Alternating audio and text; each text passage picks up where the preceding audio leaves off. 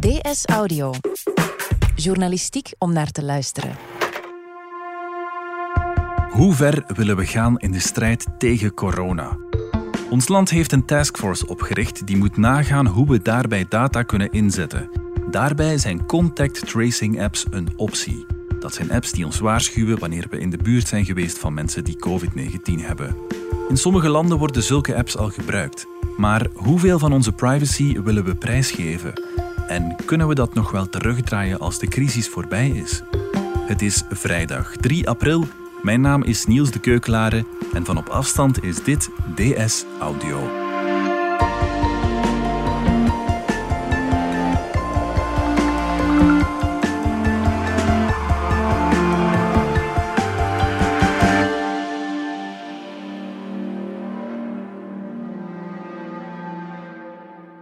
Nicolas van Hekken en Roland Termote, redacteurs bij De Standaard.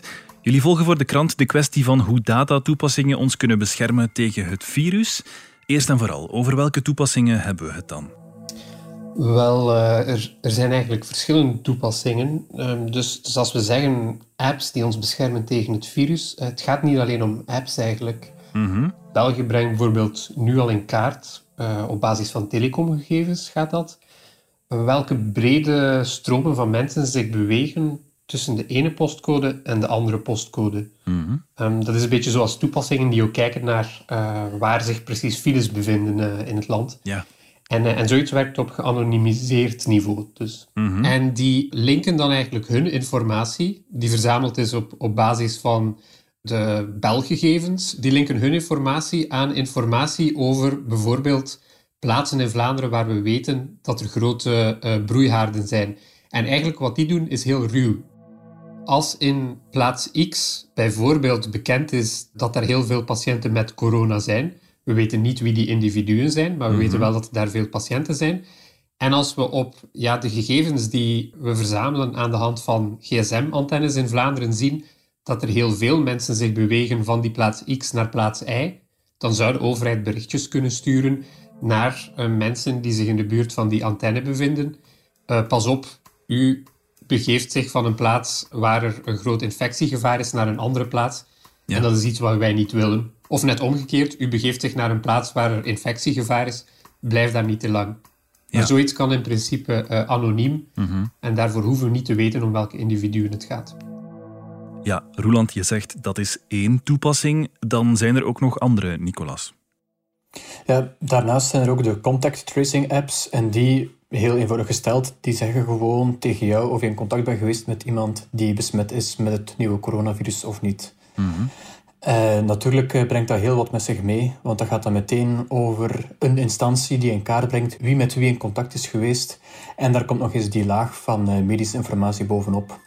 En het is belangrijk om te weten dat die apps, daar kunnen we veel of weinig informatie door prijsgeven over mhm. de locatie bijvoorbeeld waar we die mensen ontmoet hebben.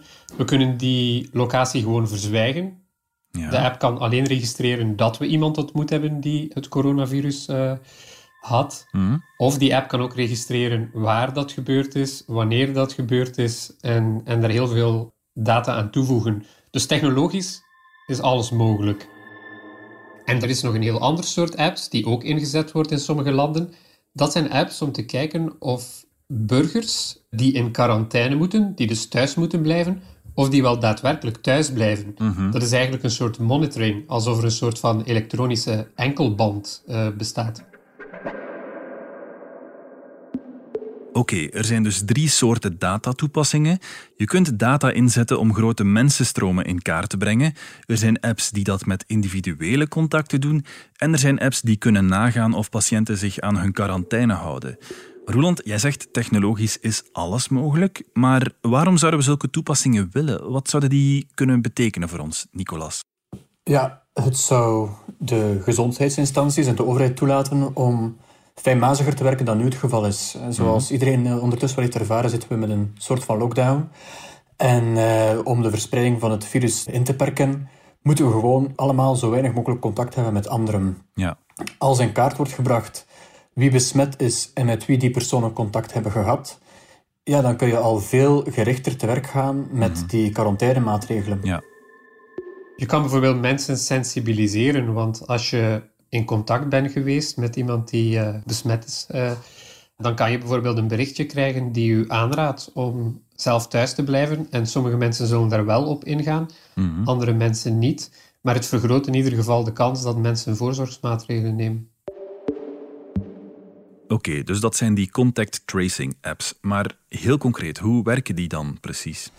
Wel, onze smartphones tegenwoordig die hebben allemaal Bluetooth. Bij de meeste mensen staat die Bluetooth ook standaard aan. En uh, als we rondwandelen, dan besnuffelen onze smartphones de andere Bluetooth-toestellen van andere mensen. En die houden daar ook een soort logboek van bij. Dus op onze telefoon staat data over welke andere smartphones onze smartphone heeft gekruist. Ja.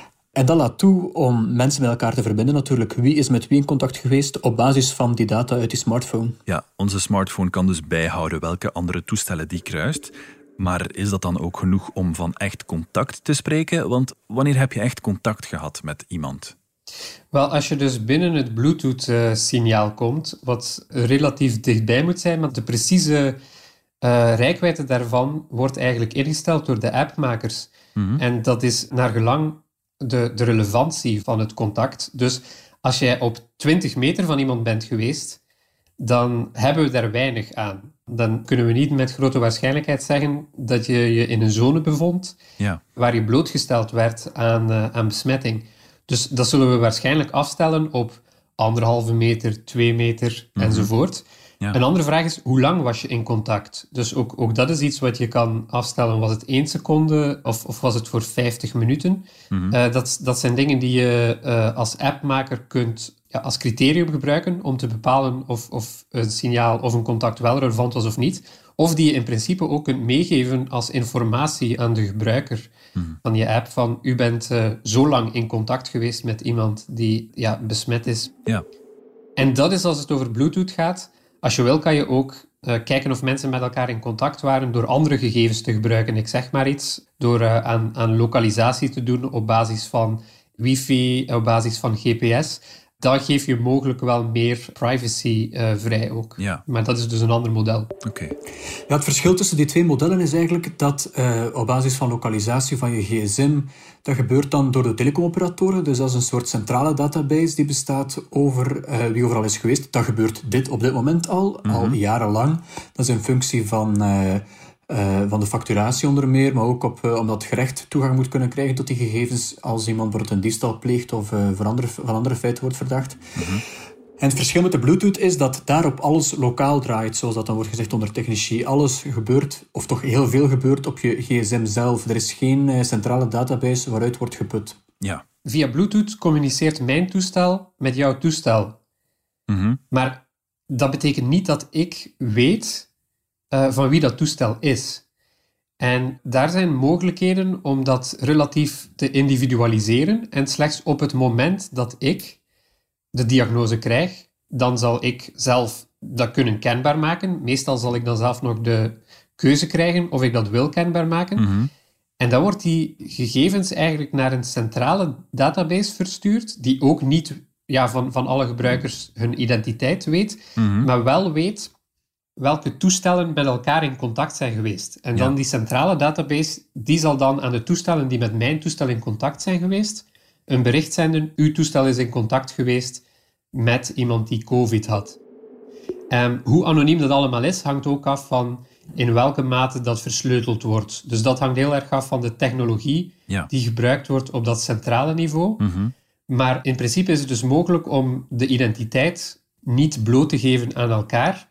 Het is natuurlijk wel zo dat als ik maar twee mensen per dag ontmoet en dan krijg ik een bericht dat zegt u bent in de buurt geweest van een covid-patiënt, wel dan weet ik dat het een van die twee was. Ja. Eh, als ik er maar eh, twee ontmoet per twee weken of zo.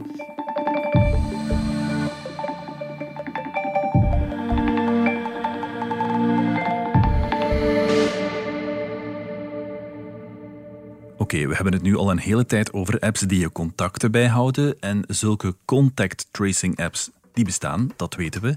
Maar worden ze al gebruikt? Wel, in een aantal landen worden die al gebruikt. Uh, bijvoorbeeld in Zuid-Korea worden die gebruikt. Um, Singapore heeft er ook een voorgesteld, zo'n contact tracing app. Dus veel landen kijken ook in die richting en kopiëren delen van de praktijken die uh, in andere landen plaatsvinden en andere delen willen ze niet overnemen, uh, bijvoorbeeld ook om, uh, om de privacy te beschermen. En hoe plausibel is het dat wij binnenkort ook zo'n apps op onze telefoon zouden hebben? Hier in België is op dit moment volstrekt onduidelijk wat er wel en niet zal gebeuren met zo'n app. Mm Sinds Mark Verranst in VTM Nieuws en daarna ook op de afspraak dat ballonnetje heeft opgelaten, is er wel heel veel aandacht voor natuurlijk. Maar we zullen echt moeten afwachten of dat ook in de praktijk wordt omgezet, zo'n contact tracing app. Dat er met data aan de slag zal worden gegaan om een zicht te krijgen op de epidemie en misschien zelfs om vat te krijgen op de epidemie, dat leidt geen twijfel. Dat is nu al bezig. Bijvoorbeeld mm vorig weekend is er gecommuniceerd door het kabinet van uh, minister van Onder meer Privacy, Philippe de Bakker, uh, is er gecommuniceerd over uh, de bewegingen van de Belgen op basis van telecomdata. Dus die verwerking is bezig. Maar natuurlijk naar zo'n geïndividualiseerde contact tracing app, dat is een heel grote stap in heel veel opzichten, niet alleen op vlak van privacy. Dus ja, natuurlijk, het, het is zeer duidelijk dat voor virologen, voor datawetenschappers, is het een heel interessant instrument. Omdat het systeem is voorhanden, de data zijn voorhanden. Waarom zouden we ze dan niet gebruiken? Nu, tegelijk, die virologen en die datawetenschappers, die weten ook heel goed dat met heel veel factoren rekening moet worden gehouden. Ja. Uh, maar uiteindelijk zal de knoop politiek moeten worden doorgehakt, want de taskforce die met die uh, data aan de slag gaat, die valt onder het kabinet van onder andere minister De Bakker. En daar uh, zullen al die overwegingen in acht moeten worden genomen en zal moeten worden beslist hoe ver gaan we. Mhm. En je, je kan nu nog niet zeggen hoe het er precies zal uitzien, het eindresultaat. Maar wat je wel al kan zeggen, is dat er een uh, heel groot scala aan mogelijkheden en opties op het bureau zal liggen van de minister. Mhm. Uh, want net zoals er in veel landen verschillende praktijken zijn, ja, zal, zal hij voorstellen krijgen van veel verschillende appmakers die allemaal een eigen um, model hebben. Ik zeg maar wat, zo'n Bluetooth-model, dat kan relatief anoniem. Eigenlijk alleen maar registreren of je met andere mensen in contact bent geweest. Of je kan ook, zoals Singapore doet, er een telefoonnummer aanhangen. En dan kan de overheid, als je besmet bent, of in contact bent geweest met iemand die besmet was, dan kan de overheid je ook gewoon gaan opbellen en, Mhm. en weten ze wie je bent. Dus, Ja. dus dat zijn allemaal dingen waarvan je je moet afvragen, willen we dit wel, willen we dit niet? Ja. Ja, het is een enorm spectrum waar allerlei beslissingen aan een hoog tempo moeten worden genomen. Het is, de, de know-how is er, Ja. Dus ook, ook in Vlaanderen zijn er heel veel mensen, overal in bedrijven, eh, academici, die weten hoe ze zo'n app moeten opzetten, die er ook al soms lang mee bezig zijn.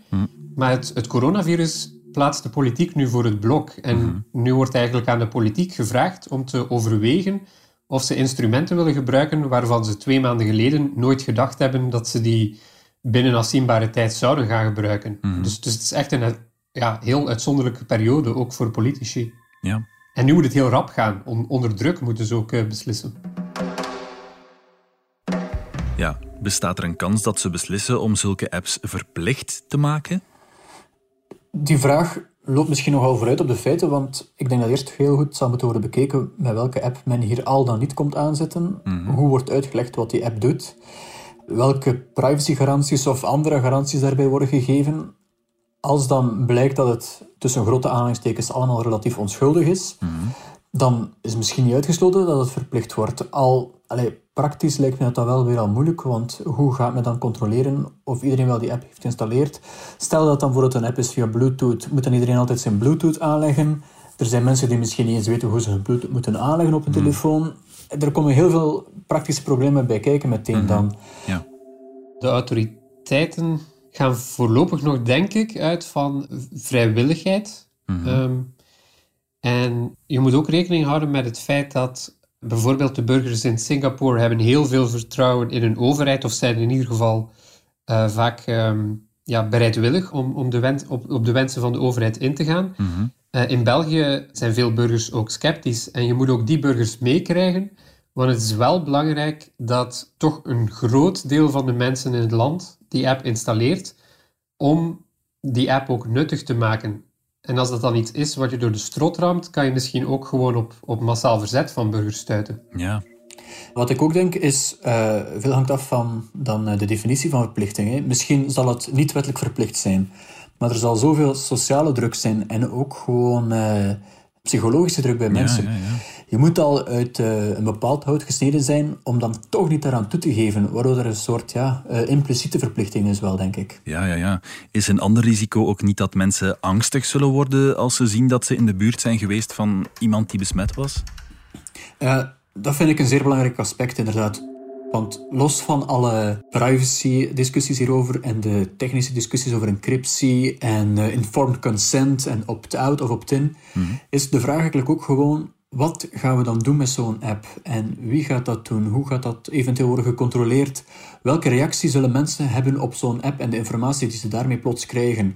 Dat is waar niemand een voorspelling over kan doen, mhm. wat niemand ook zal kunnen vatten. En dat is heel risicovol en ja, zal ook worden bepaald door opnieuw, als er zo'n app komt, de toon die daarin aan de dag wordt gelegd, het kader dat erbij wordt gegeven. Want het is over lockdown-maatregelen, dat wordt nu algemeen vrij goed opgevolgd, ook al is er discussie over eh, bepaalde details natuurlijk, omdat het uiteindelijk ook vrij eenvoudige dingen zijn om uit te leggen. Maar zo'n app, dan zitten we meteen in in een technische discussie en dat is heel complex. Tegelijk is het ook wel zo dat het ook geruststellend kan zijn, want als we straks de lockdown moeten ontspannen, gaan wij ons sowieso allemaal in situaties begeven waar, uh, ja, waar we ons blootstellen aan, aan infectiegevaar. Mhm. En dan zo'n app biedt misschien nog wel enigszins houvast. En, en ook een mogelijke richtlijn. Ah, nu moet ik mezelf toch beter beschermen, of nu moet ik er toch wel rekening mee houden dat, uh, dat ik misschien besmet ben. Mhm. En dan hangt er weer vanaf welke app er gebruikt wordt. Want met sommige apps kun je veel meer. Dus het hangt altijd af van wat er precies met de informatie gedaan wordt. Is het alleen maar een berichtje sturen naar andere mensen die besmet zijn? Mhm. Het is ook denkbaar dat je veel meer informatie uit zo'n app haalt en dat dan bijvoorbeeld de overheid die gebruikt om uh, mensen op te bellen ja. en te zeggen: uh, Wij hebben aanwijzingen dat u uh, besmet bent, mogen wij u een test laten nemen? en indien die positief is, dan is het belangrijk dat ook andere mensen met wie u in contact was in quarantaine gaan. Mm En dat klinkt heel invasief, maar dat is iets wat gezondheidsinspecteurs doen, eigenlijk al manueel bij het begin van een uitbraak.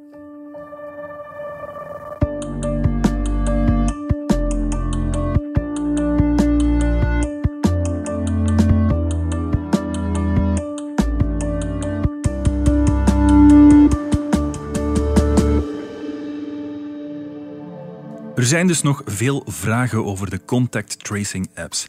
En er zijn ook veel meningen over. En die zijn verdeeld. Dat bleek gisteren nog uit de resultaten van een grote enquête van de Universiteit Antwerpen.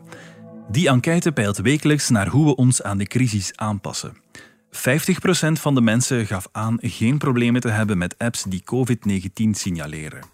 25% zei duidelijk nee, de overige 25% zei het niet te weten. Er wordt ook hard over gedebatteerd. Er zijn felle voorstanders en er zijn rabiate tegenstanders. Maar wat zijn nu hun argumenten?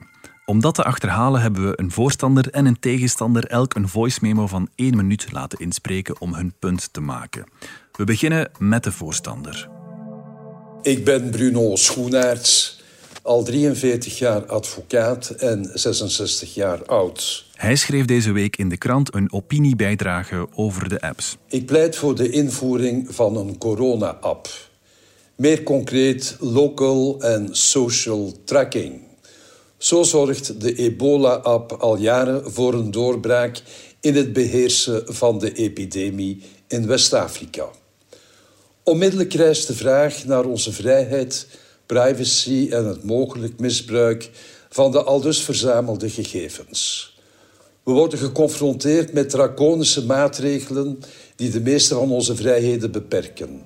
Wat de app daar nog aan vrijheidsberovende maatregelen zou kunnen aan toevoegen, is zeer de vraag. Mogelijk misbruik van data. Er bestaan nu reeds databanken met zeer gevoelige persoonsgegevens, bijvoorbeeld overdraagbare aandoeningen. Zij zijn onderhevig aan strikte regels van de bescherming van persoonsgegevens. Er is geen casuïstiek bekend over misbruik van deze databanken. De app reikt dus een oplossing aan. Op basis van anonieme databundels zien waar besmette mensen zich bevinden en haarden van infecties. Dat was dus een voorstander van de app. Maar er zijn ook tegenstanders, zoals Matthias Dobbelare Welvaart. Hij is privacyactivist en jurist en directeur van de actiegroep The Ministry of Privacy. Als privacyactivist is het natuurlijk moeilijk om meteen applicaties te gaan verdedigen. Ik denk dat het vandaag vooral belangrijk is dat we een genuanceerd debat kunnen voeren. Maar dat er ook heel dringend duidelijkheid moet komen vanuit de overheid zelf om welke applicatie het gaat. Want we zien heel wat applicaties op de markt komen nu, die allemaal natuurlijk dingen aan de goedkeuring van de overheid. Maar je moet zelfs als die applicaties anonimiteit waarborgen en een zeker respect voor onze privacy, toch ook altijd nagaan welke wetenschappelijke bewijzen er zijn dat die applicaties ook echt werken. Met andere woorden, moeten we niet eerder inzetten op testingcapaciteit en massale tests, eerder dan opnieuw te gaan uh, ja, lonken naar technologie waarvan de effectiviteit, transparantie en vooral de bescherming van ons privéleven niet meteen gewaarborgd is. Daarnaast is het natuurlijk zo dat applicaties zoals in China, maar eigenlijk evengoed in Polen, waar mensen selfies moeten sturen naar de overheid als ze in quarantaine zitten, dat dat toch heel duidelijk moet zijn dat dit in België absoluut nooit kan. Ja, het is duidelijk, privacy is een grote bezorgdheid voor tegenstanders van de apps. Maar is dat het enige bezwaar? Wel, ik, ik hoor Matthias Dobbelaar welvaart zeggen, ja, je kan ook inzetten op testen, testen, testen. Ik denk de voorstanders van apps zullen zeggen, je wil inzetten op al die dingen. En die apps die zijn er ook bij gebaat als we massaal gaan testen, want dat zorgt ervoor dat we de diagnoses uh, hebben die we dan kunnen invoeren in zo'n systeem. Dus om, om mhm. effectief te zijn wil je heel veel dingen tegelijkertijd. Uh, dat moet nu ook op heel korte tijd. Dus dan is ook de vraag, hoe goed spelen we dat klaar? En dan wil je natuurlijk ja, dat je een app hebt die tegelijk efficiënt is, en dan ook ja, de privacy van de burger beschermt. En het ergste scenario is een app die het omgekeerde is. Nog efficiënt, nog de privacy van de burger beschermt. Ja, je zou je natuurlijk ook de vraag kunnen stellen: moeten we nu niet gewoon alles op alles zetten om de epidemie in kaart te brengen? Moeten we onze individuele privacybezorgdheden niet even opzij zetten voor de gezondheid van de hele bevolking? De vraag is wat er zal gebeuren met zo'n app eens de grote volksgezondheidscrisis achter de rug is. Mhm. Mensen zullen dan ook gewoon zijn gemaakt misschien aan zo'n app, opnieuw als die er al komt. Ja. En wat gaat er dan gebeuren met alle data die, die daarin is gebruikt? Dat is ook iets waar eigenlijk voor het uh, uitrollen van zo'n eventuele app over moet worden nagedacht. En ja, het is natuurlijk wel zo, wij, wij geven inderdaad privacy op in veel situaties. Zoals ik zei, ja, er wordt al aan analoge contact tracing gedaan bij de uitbraak van een epidemie. Als je dan naar de dokter gaat en die stelt vast dat je wellicht besmet bent, uh, dan kan het zijn dat die dokter u vertelt wij gaan dit uh, melden aan een collega die gespecialiseerd is uh, in de bestrijding van infectieziekten. En, en dan kan een manueel contact tracing proces in gang gezet worden. Mm -hmm. dat is dus iets wat al gebeurt uh, om, om een beginnende uitbraak onder controle te krijgen uh, zonder tussenkomst van ja, digitale dataverzameling. Dat is gewoon een, een, een basisinstrument in, in infectiebestrijding. Ja. En er zijn, heel veel, ja, er zijn heel veel andere manieren waarop dat we inderdaad privacy opgeven in medische databanken. Maar dat betekent niet dat we met dan elke praktijk maar gewoon voor lief moeten nemen. Ja, we hebben de afgelopen jaren zelf meer en meer privacy opgegeven, vrijwillig dan nog. Denk aan wat we allemaal van onszelf prijsgeven op sociale media. Zijn we ons nog voldoende bewust van het belang van privacy? Ik denk van niet, want je voelt het nooit als er aan je privacy wordt gemorreld. Dat hmm. is iets, ja, iets zo uh, ontastbaar, letterlijk. Je kunt het niet vastpakken, je voelt het niet. Dat er sluipenderwijs heel veel uh, inbreuken en inbreukjes op worden gepleegd. Mm. Alleen al het gegeven dat we een smartphone bij hebben constant, die niet alleen verbinding maakt met gsm-torens, uh, wat toelaat om onze locatie en onze bewegingen vast te stellen, om ook vast te stellen met wie dat we allemaal in contact staan. Maar uh, de sites die we daarop bezoeken, de sociale media, met wie dat we op die sociale media contact hebben, mm uh, met wie we mailen, dat wordt allemaal bijgehouden, ja. jarenlang soms. Dan daarnaast heb je ja, de dikwijls omstreden camera's met nummerplaatherkenning bijvoorbeeld, die onze bewegingen weer op een andere manier registreren. Mhm. Ja, het, hoe erg privacyverlies is, hangt enerzijds af van hoeveel informatie we vrijgeven die we niet willen vrijgeven, maar ook hoe die gebruikt wordt. Mhm. En of die gebruikt wordt in combinatie met andere, bijvoorbeeld autoritaire maatregelen. Als je nu kijkt naar wat er in Polen gebeurt, dan zie je dat daar ook bijvoorbeeld een app gebruikt wordt om te kijken of mensen uh, die verplicht in quarantaine moeten voor 14 dagen, of die ook verplicht in quarantaine blijven.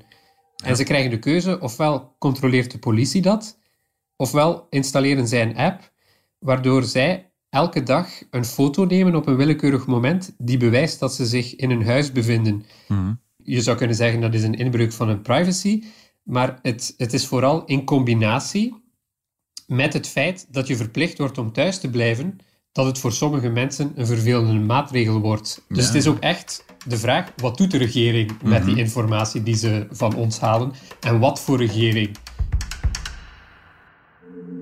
Stel dat we nu in deze crisistijd toch een stukje van onze privacy extra opgeven om de verdere verspreiding van die pandemie ja, tegen te gaan. Kunnen we daar later spijt van krijgen? Wat zijn die gevolgen die ja, mogelijk op lange termijn spelen? Het zal een feit zijn dat als er zo'n app komt, dat er een enorme database met heel veel gevoelige gegevens zal bestaan. Hmm. Heel veel mensen zullen die interessant vinden. Om te beginnen, epidemiologen die de verspreiding van dit virus uh, in hindsight willen blootleggen. Dat is dan voor academisch gebruik. Maar ja, de overheid ook misschien om te zien wie zich aan bepaalde maatregelen heeft gehouden. Al lijkt me dat in de context van België vrij verregaand. Hm. Maar zo'n database met die gegevens allemaal in, dat lijkt mij sowieso geen gezond gegeven. Hm. En bij zo'n database is het ook nooit uitgesloten dat die terechtkomt bij iemand die er eigenlijk geen toegang toe zou mogen hebben. Hackers mhm. bijvoorbeeld. Wat je ziet in Zuid-Korea is dat er geen hackers nodig waren om veel informatie publiek te maken. Want daar was het zo dat, uh, ja, dat de overheid zelf voor transparantie zorgde. En dat um, ja, de gegevens van mensen, zoals hun leeftijd, hun geslacht, uh, hun beroep en de routes die ze afgelegd hadden in de dagen voordat ze ziek waren geworden of waarop ze al ziek waren, dat die ook bekend werden gemaakt in de naam van de transparantie. En sommige mensen vonden dat oké, maar in Zuid-Korea waren er ook best wel wat mensen die, uh, die daar problemen mee hadden. Dus, dus sommige mensen daar hebben al spijt van hmm. uh, maatregelen die voor de rest wel gewerkt hebben. Oké, heel concreet. Stel dat de politiek beslist dat de corona-apps er komen. Op wat voor termijn kunnen we ze dan verwachten? Technisch lijkt alles bijna klaar. De ontwikkelaars die staan te popelen om uh, met hun technologie aan de slag te gaan. Mm -hmm. Mijn inschatting op dit moment is dat het zal afhangen van de evolutie van de pandemie. Eerst probeert men nu vat te krijgen op die acute gezondheidscrisis en misschien als de besmettingscurve daarna het stagneert, verder stagneert of zelfs daalt, zal er worden nagedacht over manieren om de besmettingen laag of zo laag mogelijk te houden. Ja. En ik denk dat het dan zal gaan over de lockdown-maatregelen zoals we die nu kennen in een aangepaste vorm en ter aanvulling of ter bevestiging ervan eventueel zo'n contact tracing app. Ja. Je, je, ziet ook wel dat het heel snel gaat. In verschillende landen wordt er nu heel veel gelanceerd op korte tijd. Die app in Singapore die is ja, nog maar tien dagen geleden ongeveer uh, gelanceerd. Dus, dus, er wordt wel kort op de bal gespeeld en alle landen kijken naar elkaar. Uh, dus er beweegt ook wel heel veel. Mm -hmm. Dan gaan we het verder moeten in de gaten houden. Nicolas van Ecke, Roeland Termote, dankjewel. Met plezier. Graag gedaan. Dit was DS Audio. Heb je vragen over corona? Weet dan dat je terecht kunt op de website www.info-coronavirus.be van de federale overheid. Je kunt ook bellen naar het infonummer 0800 14 689. Wil je reageren op deze podcast of wil je een verhaal delen over de impact van corona op jouw leven? Dat kan via dsaudio.standaard.be. In deze aflevering hoorde je Nicolas van Ecke, Roeland Termote en mezelf, Niels de Keuklaren. De redactie gebeurde door mezelf, Lise Bonduel en Pieter van Malen. Ook de eindredactie gebeurde door Pieter samen met Wouter van Driessen. Fien Dillen en Pieter Schrevens deden de audioproductie. Brecht Plasgaard schreef de muziek die je hoorde in deze podcast. Verder hoorde je nog Bruno Schoenaerts en Matthias Dobbelare Welvaart. Chef audio is Wouter van Driessen. Vond je deze podcast interessant? Weet dan dat je er elke werkdag één kunt beluisteren. Dat kan via de DS Nieuws app of via standaard.be-audio. Kunt je ook abonneren via Apple Podcast, Spotify of de podcast app van jouw keuze. Als je daar dan toch bent, schrijf gerust een review. Zo toon je ook anderen de weg. Maandag zijn we er opnieuw.